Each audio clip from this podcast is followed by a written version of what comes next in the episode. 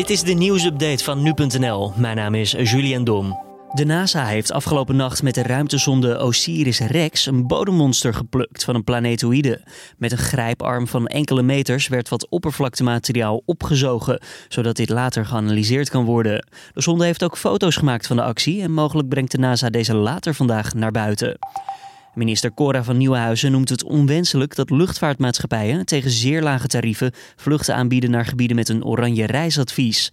Tegelijk zegt ze dat het kabinet dit soort dumpvluchten niet kan verbieden vanwege onder meer het recht op concurrentie. Van Nieuwenhuizen heeft het probleem verder wel aangekaart bij andere lidstaten, in de hoop dat er samen alsnog actie ondernomen kan worden. In de Nigeriaanse stad Lagos zijn gisteren meerdere mensen overleden nadat het leger vuur opende op een groep demonstranten. Het leger deed dat in het district Liki, waar al dagen duizenden demonstranten verzamelen. Ze protesteren tegen het buitensporig politiegeweld in het land. Vanwege de protesten is er in Lagos een avondklok ingesteld. Tientallen kunstobjecten zijn begin deze maand in Berlijn bespoten met een olieachtige substantie. De objecten zijn daarbij beschadigd geraakt. Het gaat om onder meer Egyptische sarcofagen, beeldhouwwerken en schilderijen uit de 19e eeuw.